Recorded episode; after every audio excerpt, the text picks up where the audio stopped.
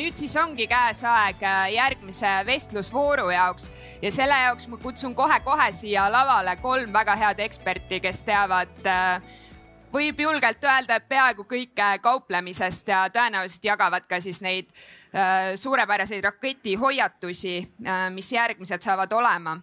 et arutelu hakkab modereerima LHV vanemmaakler Nelli Anson, kelle investeerimis teekond algas juba kolmteist aastat tagasi ehk vahetult enne kahe tuhande kaheksanda aasta finantskriisi. Ja tema on kindlasti siis oma elus juba mitut-mitut raketti startimas näinud. ja veel palume lavale ka investori ja börsikaupleja Ivar Mägi, kes alustas investeerimisega juba aastal kaks tuhat neli ning ka endise börsikaupleja Markus Tamme, kes tegi oma esimesed sammud investeerimises kahe tuhande seitsmendal aastal, aga praegu siis toimetab äh, Markus ka börsijutud Youtube'i kanalil, juhib seda koos Märten Kressiga, kes on teine kõva tegija kauplemises ja Markusel on endal ka inglisekeelne blogi tradermarkus.com, et sealt võib ka vaadata nende tegemisi. aga nüüd ma annan äh, sõna üle Nellile ja palun siis lavale äh, Nelli ja Markus ja kohe-kohe on valmis ka Ivar. kui palju siin on kauplemishuvilisi? tõstke käsi. Ja palju on neid, kes peavad oma praegust börsitegevust pigem kauplemiseks kui investeerimiseks? ma näen üks, üks väga püüdlikult Kristo, sirutab oma Christopher, aga kedagi rohkem ei olegi. Christopher Et- ongi ainuke. et no küsime paneeli lõpus Miks? uuesti, äkki on, äkki on rohkem käsi siis. nii et olge innustavad, palun, jah. nii, aga meil on äh, aega vähe ja, ja kõik on kohal ja hakkame pihta, et äh, meie paneeli nimi on täna kümme raketihoiatust, mis annab aimu sellest, et me peame andma väga häid äh, äh, soovitusi ja kuna sees on sõna rakett, siis see eeldab seda, et, et, et seal peab taga olema väga suur kasv ja kasvuga käib ka alati kaasas risk. ja ma teeks ühe soojendusringi teile ja küsin seda, et äh, äh, Markus, kuidas sa hindad oma riskiprofiili, et kui riskialdis investor sa oled kümnepallisüsteemis? äh, alguses võtsin ilmselt vähem riski äh, ajaga, õppimisega kogemusega, ekraani ajaga on tekkinud seda enesekindlust. aga vot ma ei ole sihuke kaupleja, kes võtab hästi palju väikseid kontosid ja siis äh, enamus laseb õhku ja siis näitab neid paremate tootlusi, onju. minul on see, et ma kauplen üsna korralikku kuuekohalist kontot mis on ka enamus minu äh, netoväärtusest, nii et minu esimene eesmärk on selle kapitali säilitamine. teine eesmärk on siis äh, turuülese tootluse äh, mõjul siis pikaajaline liitintressiga varade kasvatamine. ehk siis äh, võiks ikkagi öelda, et sa oled pigem, pigem ikkagi konservatiivsem Olen- investor. ma, ma ei ole päevakaupleja, ma olen päeva lõpu kaupleja, ma teen oma otsused sulgumispõhiselt. Ma ei ole kunagi tahtnud sellest töökohta endale luua, ma võtan seda nagu ettevõttena, ettevõtlusena, et ma teen oma otsused turuvälisel ajal, panen orderid sisse ja lähen välja. ma ei, ma ei vaata, mis toimub. okei okay,, ühesõnaga selline all-in tüüp sa ei ole, nii et, et, et pigem ikkagi ikkagi haldan riski ja, ja ma ei pea võib-olla nii, noh, kuna ma päevakaupleja ei ole, ma pigem pean ennast selliseks aktiivseks portfellihalduriks. Äh,. Ivar, kuidas sinu riskiprofiiliga on? ja tere kõigile, ma palun näiteks vabandust, mul natuke hääl, tunnen, et täna hääl ei tööta. aga minu profiil, ma olen erinevat laadi kaabelnud, et kunagi minevikus rohkem olime ühe tiimiga koos, siis olime väga intensiivsed päevasiselt. aga praegusel hetkel ma nii intensiivselt enam ei tee, et see on pigem selline oportunistlik swing trading, ma ütleksin. et valin oma positsioonid välja, siis panen riskid ja kui läheb nagu stop loss, siis panen sealt kinni, ongi kõik okei okay,, et aga, aga selles mõttes sind nagu ei heiduta ikkagi äh, investeerimine noh, ütleme sihuke suure potentsiaaliga, aga, aga ikkagi üsna kõrge riskitasemega ettevõtetesse. Äh, ei, sest ma tean, et kui mingi asi liigub hästi palju, nagu läheb hästi kiiresti ülesse, siis ainuke asi, mis portfelli tegelikult päästab, on need tootlused nagu need plussid. et kui sul ei ole, on ainult mingid vingerdavad hästi sellised hästi vaevalised, siis see portfell tegelikult üles ei lähe, et seal peab olema selliseid asju, mis hästi kiiresti hästi palju lähevad. et lõppkokkuvõttes on need, mis nagu päästavad ähm, päeva ja kui sa paned need, mis alla hakkavad minema, pärast siis kähku kinni siis äh, hakkab see nagu portfelli matemaatika tööle, et kui sul on hästi palju hästi suuri tõuseid, siis su portfell läheb ülesse, isegi kui sul näiteks kümme miinust on nii. mm. -hmm. et selles mõttes palju suurem risk on see, et teil ei ole väga suuri tootlusi, kui see, et te saate miinuse või mis iganes okei okay,, ehk siis pigem, pigem sa haldad siis oma riske sellega, et, et sa võtad neid positsioone päris palju. eeldusega siis, et kui mõned neist nii-öelda lähevadki belly up, et siis need teised päästavad päeva osaliselt palju, aga osaliselt ka selles, et ma võib-olla siis oportunistlikult otsin neid asju, mis nagu liiguvad ja liiguvad kohe praegult, et ma pigem siis nagu varitsen, et kui võimalust ei ole, et siis ma nagu ei tee midagi. Äh, väga oluline on ka see, et kui kauplemisel, kui sul on mõni hea idee, siis sa pead seda nagu hästi palju panema, sest kui ausalt öeldes elu jooksul sul ei ole üldse häid ideid palju sul on mõned üksikud tegelikult, kui sa need head ja head kohad ja head võimalused ära kaotad, siis lõpuks ongi niimoodi, et sul polegi midagi. et see on, ma ei, ma ütleks, et ma otseselt palju neid võtan, lihtsalt ma siis jälgin intensiivsemalt neid asju ja panen oma stop loss'id paika ja ongi kõik. ja kui tuleb loss, siis tuleb loss, ongi kõik okei okay. äh,, väga hea, sellel toonil me saamegi nüüd jätkata, et, et elus on häid võimalusi äh, vähe ja, ja kui sa neid kasutada ei märka, et, et siis noh, polegi midagi, jäävadki tühjad pihudeks, et, äh, et alustame siis nüüd äh, konkreetsemate soovitustega, et Markus äh, räägi siis, mis, mida siis nüüd ostma peab? Ja, ja räägi natukene sinna juurde ka, et, et, et kuidas sa oma otsuseid või mille põhjal sa neid otsuseid teed. ja ma ühe sellise lisatingimuse paneks veel juurde, et mis on see üks asi, mis peab kindlasti sellel ettevõttel olema, et seal sa nagu ei tee mitte mingisuguseid allahindluse või järeleandmisi? ma ütlen kõigepealt, et kogu minu otsustusprotsess põhineb hinna liikumisel, ainult tehniline analüüs ja väga vähe indikaatoreid hinna liikumine, sest äh, tahan olla tõusvates aktsiates, ei taha osta mingit kukkuvat jama, äh, mis tundub investoritele väga meeldib just neid langevaid asju osta. Äh, mina tahan olla tõusvates aktsiates ja ma ei jälgi uudiseid, ma ei, mind ei huvita kellegi arvamused, mida analüütikud ütlevad, mis on fundamentaalid, mitte midagi. ma jah, kui mulle Apple või Amazon satub portfelli, siis ma tean, mis selle tikeri taga on, aga mul on portfellis tikereid, ma ei tea, mis ettevõte see on või millega ta tegeleb ma ainult puhtalt hinna liikumisel siis, kas on äh, trend, swing või momentum. ja noh, ostusoovitusi konkreetselt ma ei saa öelda, sest mul ei ole vastavat litsentsi, et finantsnõustamist pakkuda. Ma võin äh, rääkida, mida ma täna oma portfellis teen, mis mul on. aga võib-olla ma tahaks ühe sellise mõtteviisi öelda, et noh, ma ise näen, et tegelikult nendest tikeritest, mis minul on ei ole teil väga palju kasu, sellepärast et äh, kahjuks ma ei ole neid positsioone äh, just alles avanud, et nad täna pakuks head riskitulususe suhtega sisenemist, sest meil on olnud väga pikk tõusev trend aasta aega.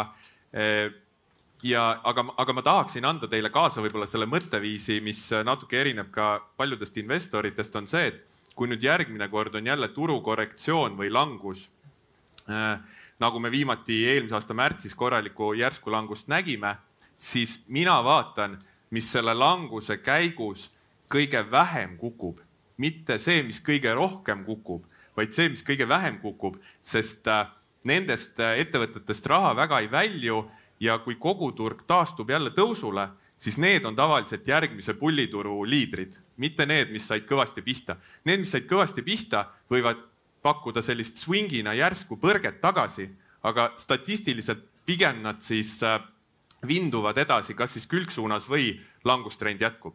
et äh, kui tahta nii-öelda trendi võitjaid, siis pigem vaadake neid, mis äh, vähem kukuvad ja tavaliselt need järgmise tõusutsükli võitjad hakkavad tõusma natuke varem kui koguturg, nad teevad selle põhja nagu natuke enne turgu ja, ja see on näiteks üks põhjus, äh, miks eelmisel kevadel äh, tulid mulle portfelli Tesla, Nvidia, muud tehnoloogiaettevõtted. see ei olnud sellepärast, ma lihtsalt vaatasin ja Tesla, et äh, vahet ei ole, mis see tikeri taga on, on ju, ta sattus lihtsalt hinna liikumise põhjal.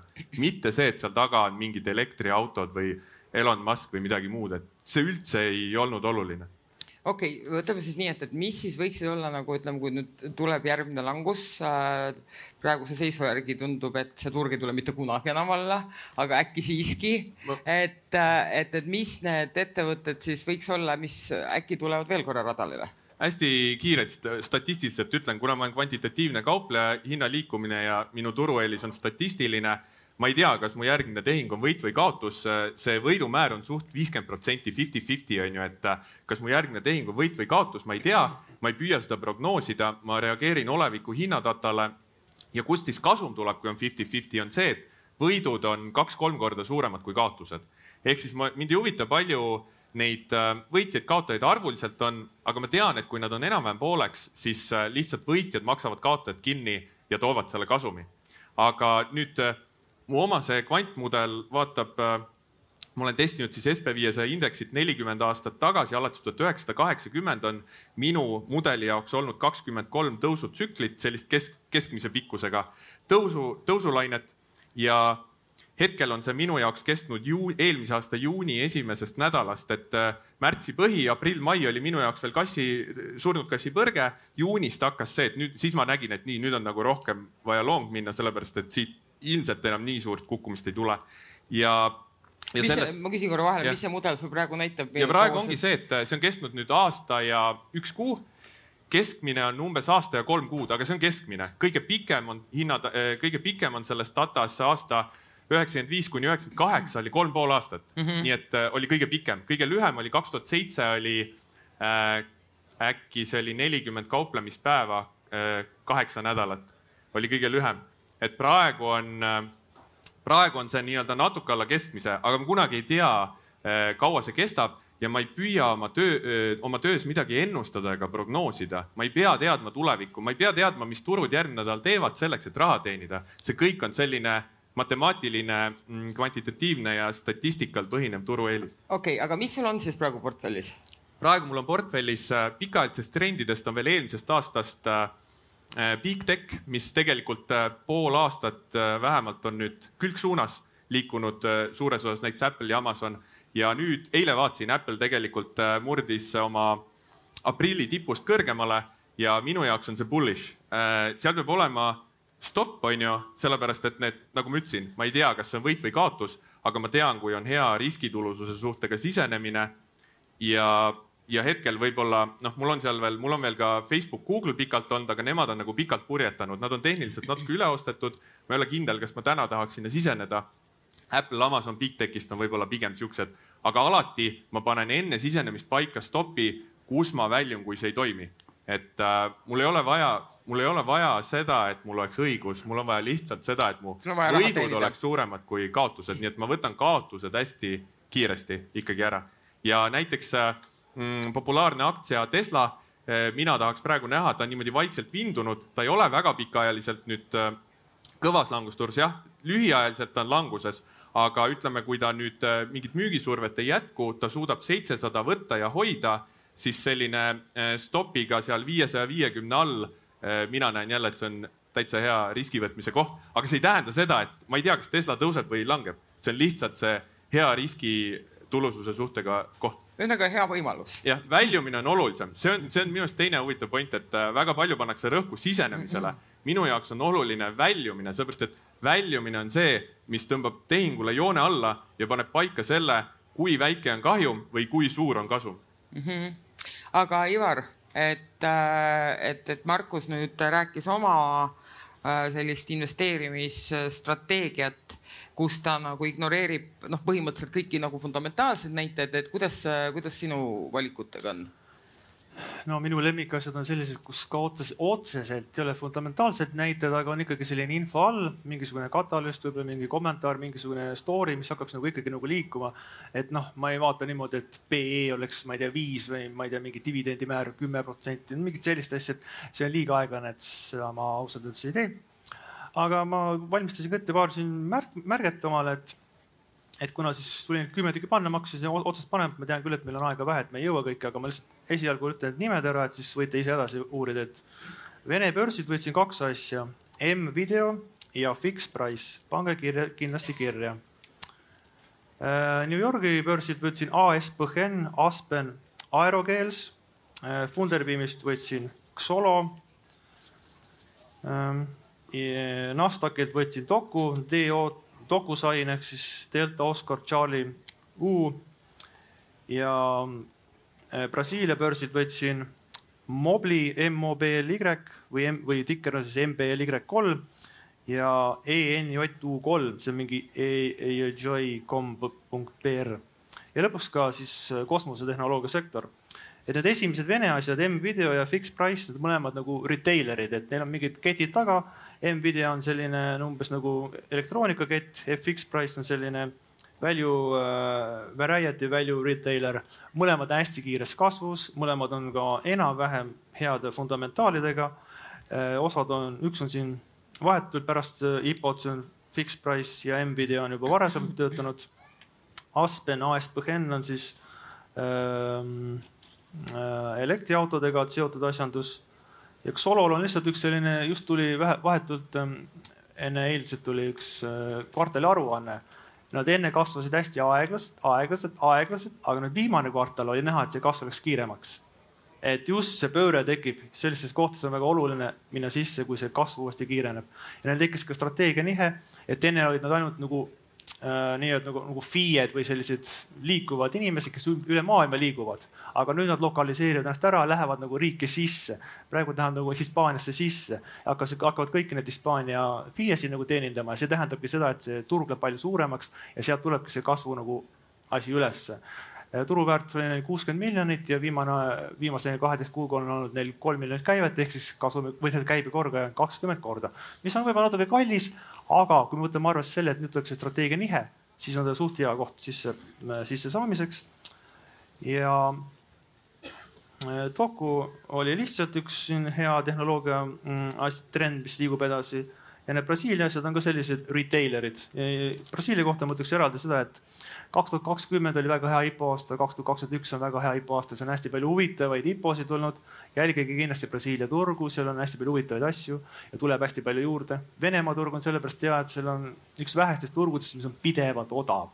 muidugi on seal probleem ka selles, et on igasugused riskid, eh, sanktsioonid ja värgid, aga sellist asja, et saate mingit odavat asja osta näiteks Ameerikast või ma ei tea, kusagilt Saksamaalt, muudest turgudest, sellist asja lihtsalt ei ole. et kui te tahate teada head ja odavat asja, siis on see Venemaal, te peate selle riski võtma.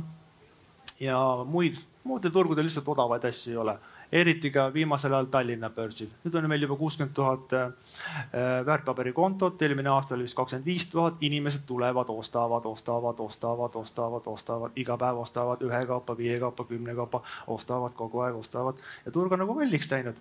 päris mitu asja on nagu kalliks läinud, et noh, isegi Balti börsis ma oleks võib-olla öelnud midagi, et aga ei ole nagu öeldud midagi sellist väga head, et meil oleks väga kindlasti vaja mitu uut IPO-t, oleks mingi viis IPO-t, igaüks kaasab viiskümmend miljonit euri, oleks turul kohe nagu lahedam olla, sest ma praegu näen seda, et meid väikeinvestoreid tuleb nii palju peale. on siis buy and hold sellised investorid ostavad oma aktsiad ära, aga siis nad enam ei liiguta neid. ja niimoodi tähendabki seda, et vaikselt ostavad, ostavad, ostavad ja turg nagu läheb kõrgemale, kogu aeg kõrgemale. ja ei ole nagu see supply'd enam peale aga Markus rääkis siin sellest, et kui oluline on äh, tema jaoks see nii-öelda positsioonist väljumise teema. et, et ma küsin sinult nagu sedapidi, et äh, kuidas sa nagu aru saad või mis hetkel sa aru saad, et see ei olnud hea mõte või ta vähemalt oli alguses hea mõte, aga ta on kogu selle protsessi keskel muutunud halvaks mõtteks. et ma panen selle asja kahjumiga kinni et ma ei jää nagu edasi hoidma. no kui mingi katalüüs on taga, siis ausalt öeldes, kas ta lähebki üles või ta läheb alla ja kui sa näed, ta läheb alla, siis panedki kinni, et siis võiks öelda, et see nii-öelda momentum või et kui see hoog pöördub, et siis paned lihtsalt kinni. ja kui on mingi katalüüs taga, siis sa ju tead, et no näiteks noh, mul see fixed price ongi selline retailer, et ta tahab hästi palju poode avada, tal on mingi neli tuhat viissada poodi, tahab viisteist tuhat poodi avada. kui sa näed, et poodide avamise kiirus ja kogu see tees nagu muutub, siis hakkab see nagu alla keerama ja kohe kordad muutuvad sellised nagu kallimaks ja rikkalikumaks ja üldse investor hakkas sealt väljuma. et see ei ole eriti raske. Sa... sa selles mõttes sellele kunagi ei panusta, et ütleme, sa ütlesid, et momentum kaob, eks ole no. Äh, mõnikord tuleb ta tagasi sa sellele äh, ei äh, panusta, et sa double up nagu, et sa ostad nagu alt juurde sageli on niimoodi, et kui ta läheb üles, siis ta läheb üles, kui ta läheb alla, siis ta on pekkis, siis ta enam tagasi ei lähe. et ta ei, ta ei hakka, hinnad ei liigu nagu niisama alla. Nad liiguvad siis, kui mingi asi on probleem. Ja kui on probleem, siis on su tees vale, siis pead selle kinni panema. ongi kõik, enam-vähem on see nii. Et muidugi läheb alla, ülesse, et siin tuleb jälgida seda, kas eh, investorid nagu spekulatiivsed, noh näiteks võib-olla Funderbeamis, ma ütlen praegu, et on inimesed spekulatiivsed, tahavad kiiresti sisse, aga kohe siis müüma, kui ei tule seda tõusu, et kui sa näed seda, kuidas investorid käituvad, siis sa tead, et see võib olla langus aga üldiselt võiks ikkagi niimoodi öelda, kui on mingi tees ja ta läheb ülesse ja siis pöörab, siis on mingi teesi viga tegelikult või kusagilt sa ei tea, mis seal viga on. aga nii-öelda insiderid juba müüvad ja sa peaksid ka tegelikult reageerima nii, mul on nüüd tegelikult üks väga konkreetne küsimus ühe väga konkreetse ettevõtte kohta ja kuna sa siin juba IPO-sid mainisid, siis äh, meil järgmine nädal on toimumas väga suur rahvuslik sündmus. nimelt äh, Wise äh, aktsia alustab kauplemist äh, Londoni börsil ja selle vastu on, ütleme, investorringkondadel ikkagi väga-väga suur huvi. Äh, seda enam, et, et keegi päris täpselt ei tea ka, et, et kus ta siis või mis tasemel ta kauplema hakkab. kuna see on otsenoteering.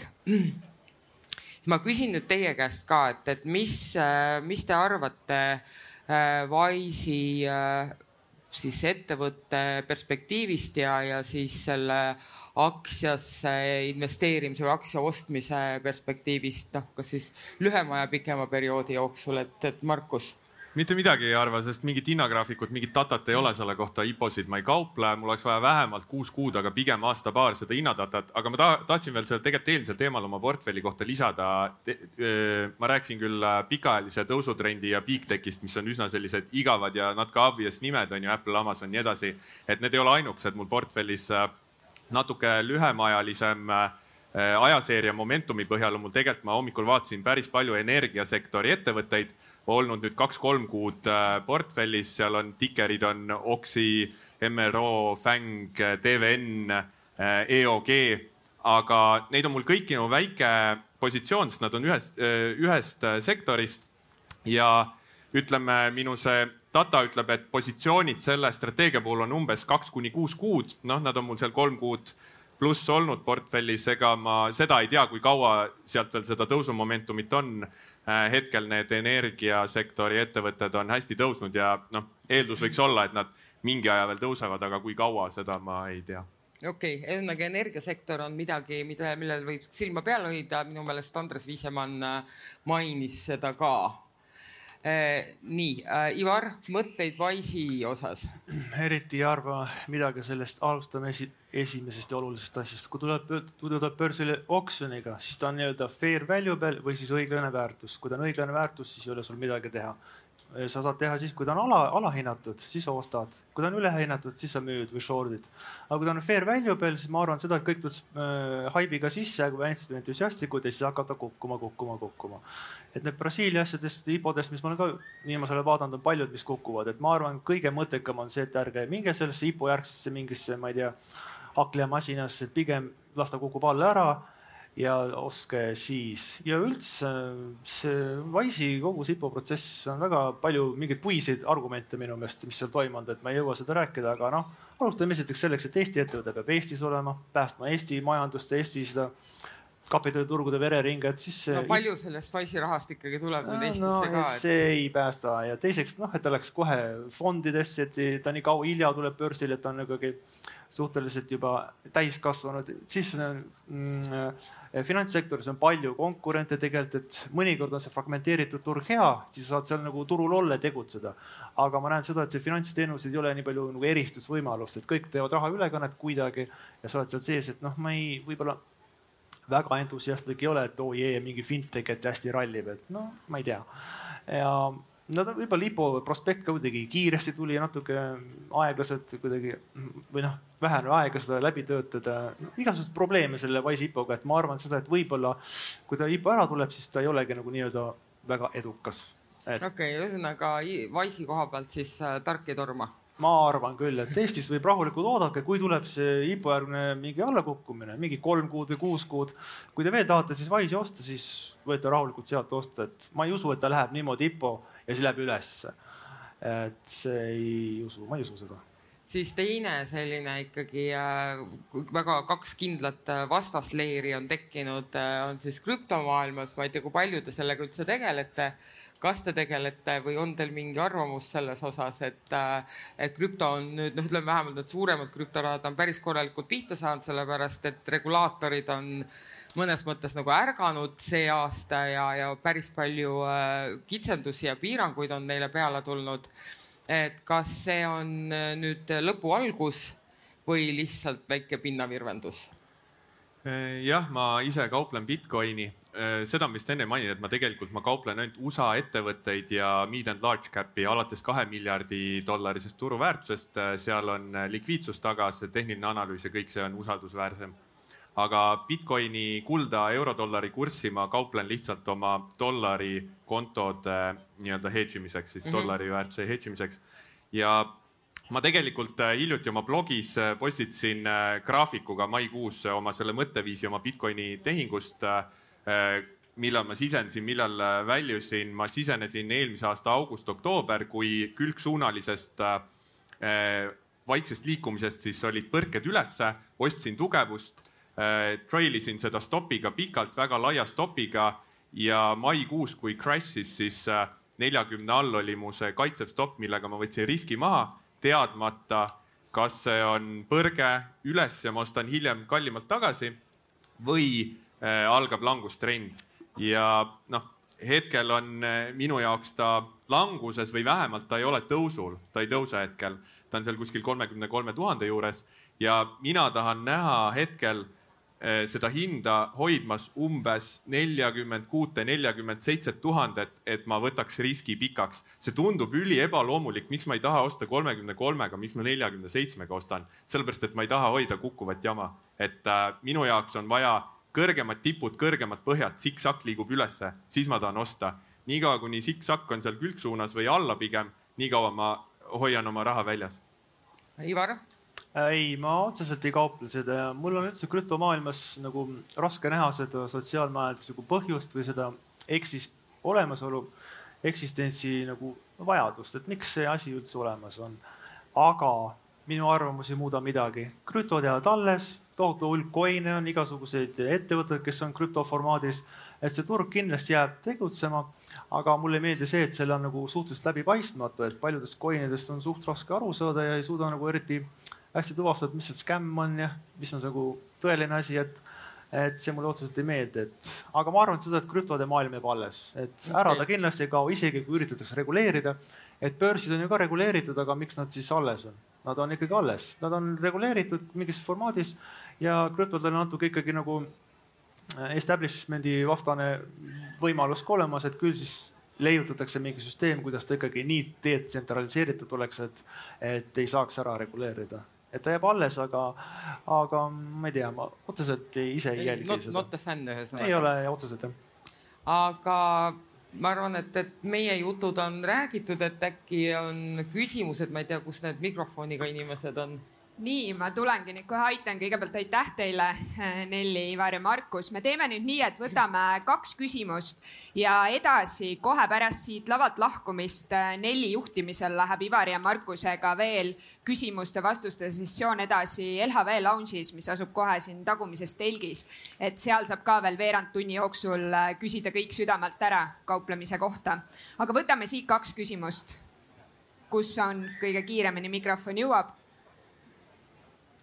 nii ja palun jah äh, suur aitäh teile mõlemale, ma tahtsin seda küsida, et äh, kui kaua teil läks aega, et õppida kauplemist niimoodi, et jõudsite siis nii-öelda sinna break-even punkti või siis hakkasite ka vaikselt juba kasumit teenima, et kaua see aastaid võttis? ja siis miks te just sellise strateegia valisite, et noh, kauplemisel ju võiks äh, teisi strateegiaid ka olla. miks teile just see õige on uh,?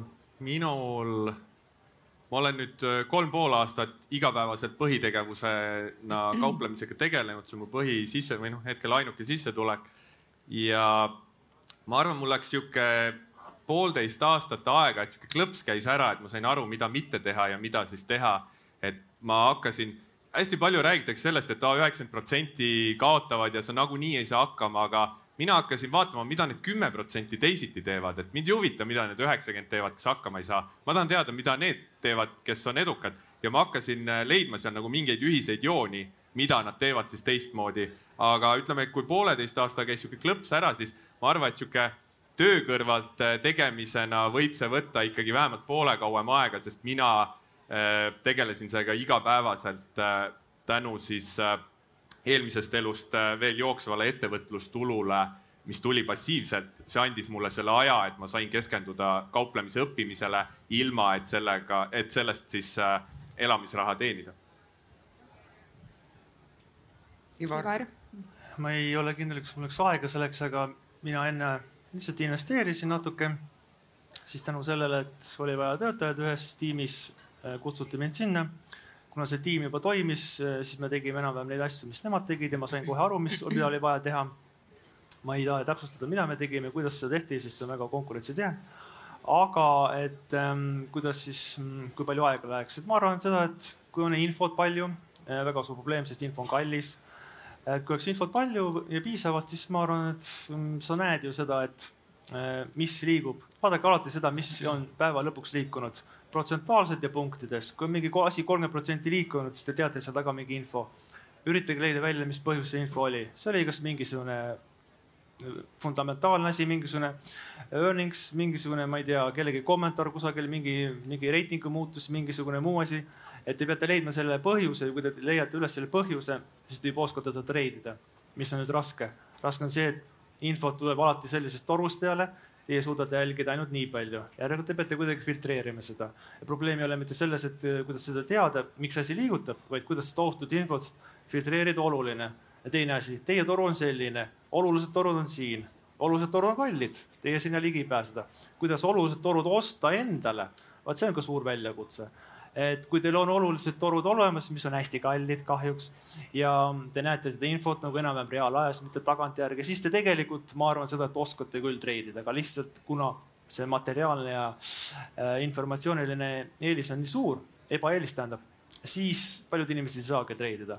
aga sealt edasi, kui te palju infot olete nagu, kui te ka analüüsinud ja vaadanud, siis te saate ka ise aru näiteks äh, nagu teised treiderid teevad puhtalt nii-öelda, nii-öelda kvantitatiiv või siis kvantitatiivse või siis numbrilisel põhjusel põhjusel, et siis te võite lihtsalt osta mingi suvalise mm, kauplemisplatvormi, kus on võimalik programmeerida ja mingeid mudeleid teha, et tänapäeval on ka internetis mitmeid selliseid kvantplatvorme, ma ei küll peast ei oska praegu öelda, aga vanasti sellist datat ei olnud, tänapäeval on. et te peate lihtsalt siis programmeerima, ise mudeldama ja leidma oma põhjused äh, kindlasti oluline probleem, olulisem põhjus on see, et teil ei ole infot, mitte see, et kui kaua aega see läheb.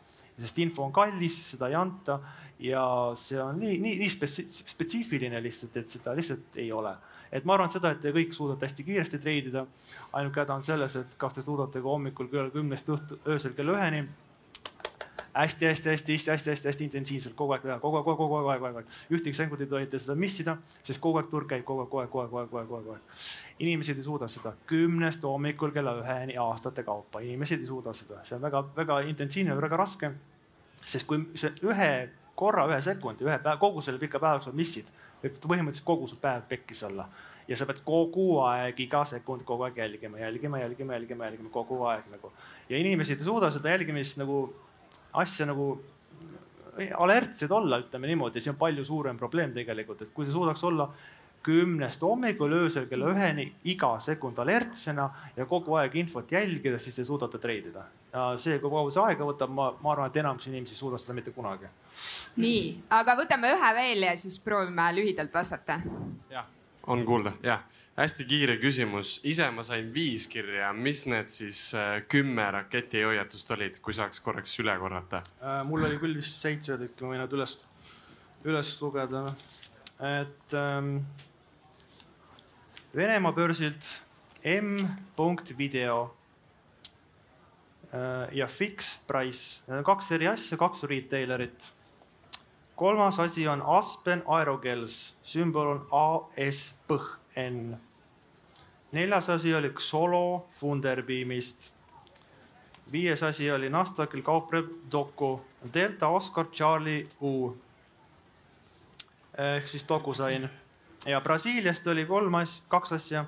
MBLY3, see on siis Mobli SA ja teine oli ENJU3 ehk siis mingi HOA.com.br ja viimase asjana lihtsalt space sektor ehk siis kosmosesektor et see on ka väga kuum asi, et otsige mingi kosmosesektori ETF ja siis vaadake sealt seest mingeid huvitavamaid asju. et siin peaks olema kaheksa tükki. Neid kosmose osas, et hästi, et vähemalt kaks päris äh, äh, hea potentsiaaliga SPAC-i on ka, et äh,, et, et üks on, tikker oli Holl ja teine tikker oli vist äh, SPC. WCAQ või? no need on ma võin nüüd natuke valetada, aga kui te guugeldate, siis te ilmselt leiate üle üles, aga need on mõlemad on spakid, et ja noh, rääkimata siis sellest äh, äh Virgini omast, et äh, SBC, et see on ka tegelikult läheb täitsa sinna no ma kosmose peaks nüüd paar teemasse. tükki ütlema sellele kaheksale juurde. ütle kaks tükki ja siis Jah. inimesed no, siis on olemas. no ma ütlesin, nagu ma ennem ütlesin, mul endal portfellis on big tech ja energiasektor põhiliselt. võib-olla big tech'ist seal Google, Facebook on head tõusu juba teinud ja Nvidia on äh, suhteliselt parapoolne viimased kuu aega olnud. Amazon, Apple on võib-olla natukene parema sisenemiskohaga, aga see, kas nad raketid tulevad, ma ei tea. mul on veel, ma võin veel öelda mingid tikerid, mis mul tuli meelde, mis mul portfellis on. LB, GPS, ZS, mul pole õrna aimugi, mis ettevõtted need on või millega nad tegelevad kui tuleb signaal, ma olen neist väljas, et selles mõttes ära osta lihtsalt sellepärast midagi, et minul on see portfellis. sa peaksid siis ka teadma seda, kus ma väljun nii kahjumi kui kasumiga ja kui väikselt ma seda positsiooni kauplen. nii, aga suur tänu teile. aplaus. Elli kõigepealt, aitäh. Aitäh. Nestariga on ka väike kingitus. Siin on äh, Ivarile, suur tänu